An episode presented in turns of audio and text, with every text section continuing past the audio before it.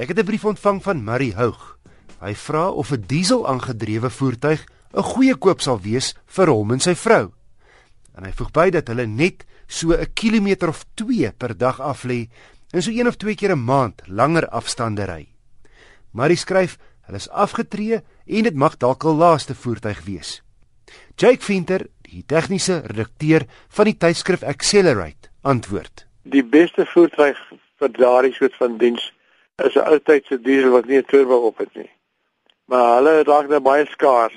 Die tweede beste keuse is 'n petrol engine, veral die moderne ene met brandstofinspuiting. Die die moderne engines met brandstofinspuiting word deur die rekenaar so beheer dat jy baie min 'n oorryk mengsel kry.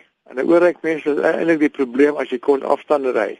In die ou dae van vergassers eh, moes jy in die oggend veral in die winter jou smoorklep gebruik, die choke en dan kry jy oorryk mengsel. Dit is baie sleg vir die enjin want die gedeelte van die brandstof die uh, bly in vloeistofvorm en dit loop vinnig by die ringe verby en dan uh, was dit van die olie weg. Maar ek dink 'n moderne petrol enjin met brandstofinspuiting moet nie te sleg te wees nie. Die swakste keuse is wel 'n turbo diesel wees, hoofsaaklik omdat turbos is 'n ekstra komplikasie. Jy sit daar met 'n ding wat in baie gevalle 200 000 OPM doen. Met 'n klein dingetjie jy Hy pas in die palm van jou hand, maar hy moet baie vinnig roteer om 'n druk op te wek. En, en daai goed is so vol nonsens. En mense het gesê fimies. Jy moet hom so mooi oppas anders dan pak hy op en dan kos jy 'n fortuin om reg te maak. En 'n uh, turbo diesel is ligter op brandstof, maar sy aankoopprys is is hoog, ja. Ja, jy kyk jy meeste meeste turbo diesel is omtrent 12000 rand duurder as die petrol engine. En gevolglik dan sê jy baie lank afstand doen, doen soos 'n handelswysiger. So jy 10, 12 jaar moet sukkel om daai kry prysverskil op te maak met die brandstofverbruik. Jake, maar daar is natuurlik nou nog 'n opsie.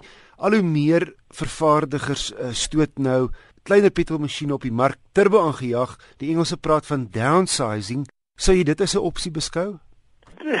Ek sou nie eintlik dit beskou as 'n goeie opsie nie. Jy spaar nou wel 'n bietjie brandstof omdat die enjin nou kleiner is, het dit drie silindertjies. Stygevaar het 1000 cc, maar aan die ander kant sit jy met 'n 'n ding wat ook weer net genoem het 2000 OPM doen wat baie maklik skade optel. Hy jy weet aan die aan die uitlaatgaskant loop hy rooi warm. Aan die ander woorde jy sit met die helfte van sy as eh, wat daar in die enjin gaan wat rooi warm is. Nou, jy kan net so baie soldeerbout in die enjin insteek. En dit skep probleme met byvoorbeeld met smering. As jy olie nie vervang gereeld nie, dan verouder dit vinniger as sonder 'n turbo. So 'n turbo is 'n ding wat vir jou ekstra krag gee, maar hy gee vir jou ook baie ekstra moeite. Jake, ek kan onthou toe jy nog die tegniese redakteur van Kar was, so 15 jaar gelede, het daar nog al 'n hele paar turbos veral hier hoog bo seevlak opgepak. Ja, ja. Was dit meestal met turbo diesels gewees? Meestal turbo diesels, daar was turbo petrol ook maar dit was meestal turbo diesels. So staan jy meer skepties teenoor turbo diesel as turbo diesel? Ek sal sê 'n bietjie meer skepties, ja. Daar's minder mense wat 'n diesel verstaan en aan 'n diesel werk. Destyds het hulle eers meer bekend geweest. In die ou dae was daar 'n aparte ambag geweest, diesel mechanic. Ek dink vandag maak hulle minder onderskeid tussen die twee goed.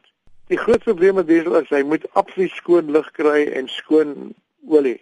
'n Petrol engine byvoorbeeld. Petrol engine is jy om nie gereeld diens nie. Sy olie word 'n bietjie vuil en sy inlaatlig word 'n bietjie vuil. Maar dis nie die eind van die wêreld nie. Hy is tamelik gemoedelik oor die saak. Maar 'n diesel moet absoluut gereeld gediens word as hy 'n klein bietjie vuil goed in die lug kry die via die filter wat vuil is, dan vir vir weer die turbo baie vinnig. So hy kom dadelik agter as jy hom nie diens nie.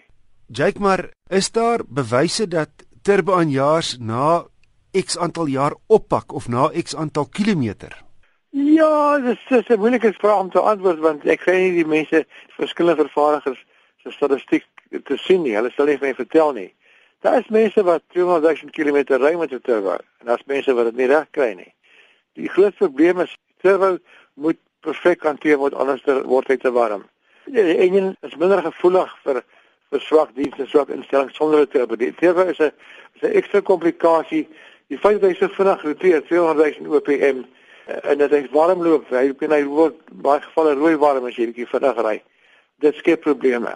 Dit beteken sy werkomstandighede moet altyd perfek wees. sou jy steeds luisteraars aanraai om die masjien vir 'n minuut of so te laat luier nadat hulle lank en vinnig gery het? Is altyd 'n goeie ding, ja. Selfs selfs sonder dit is altyd 'n goeie ding want die een het nou hard gewerk en alles is nou regtig warm en nou stop jy en jy skakel alles af. Daar's nie meer 'n pomp verdraai nie. Al die vloeistof word nou baie warm, so gedaan 'n heat soak situasie. En dis nie 'n goeie ding nie. So antwoord Jake Venter, die tegniese redakteur van Accelerate. Motornavraag of motorprobleme kan aan my gerig word. E-pos na wissel@rsg.co.za.